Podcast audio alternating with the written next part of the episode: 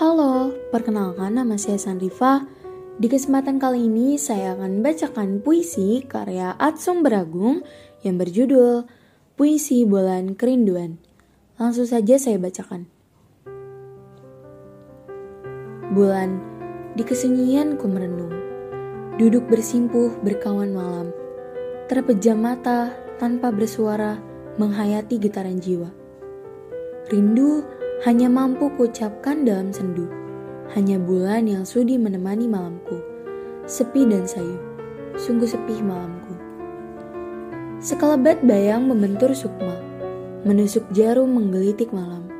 Sedetik ditelan hening, hilang entah ke mana. Di puncak malam menerawang lamunan, hening diterpa bayu yang bergumam. Andai sepi bisa ku semayamkan, akan kukalungkan rantai kerinduan. Bayangmu memecah hening malam ini, bukan seperti langit dan bumi atau hamparan laut dan pantai. Tapi untukmu, rindu ini tak bertepi. Tidurlah, tidur kekasih hati di pangkuanku, ditemani sinar sang rembulan dan semilir sang bayu. Merapatlah, akan kutemani kau dalam tidur indahmu.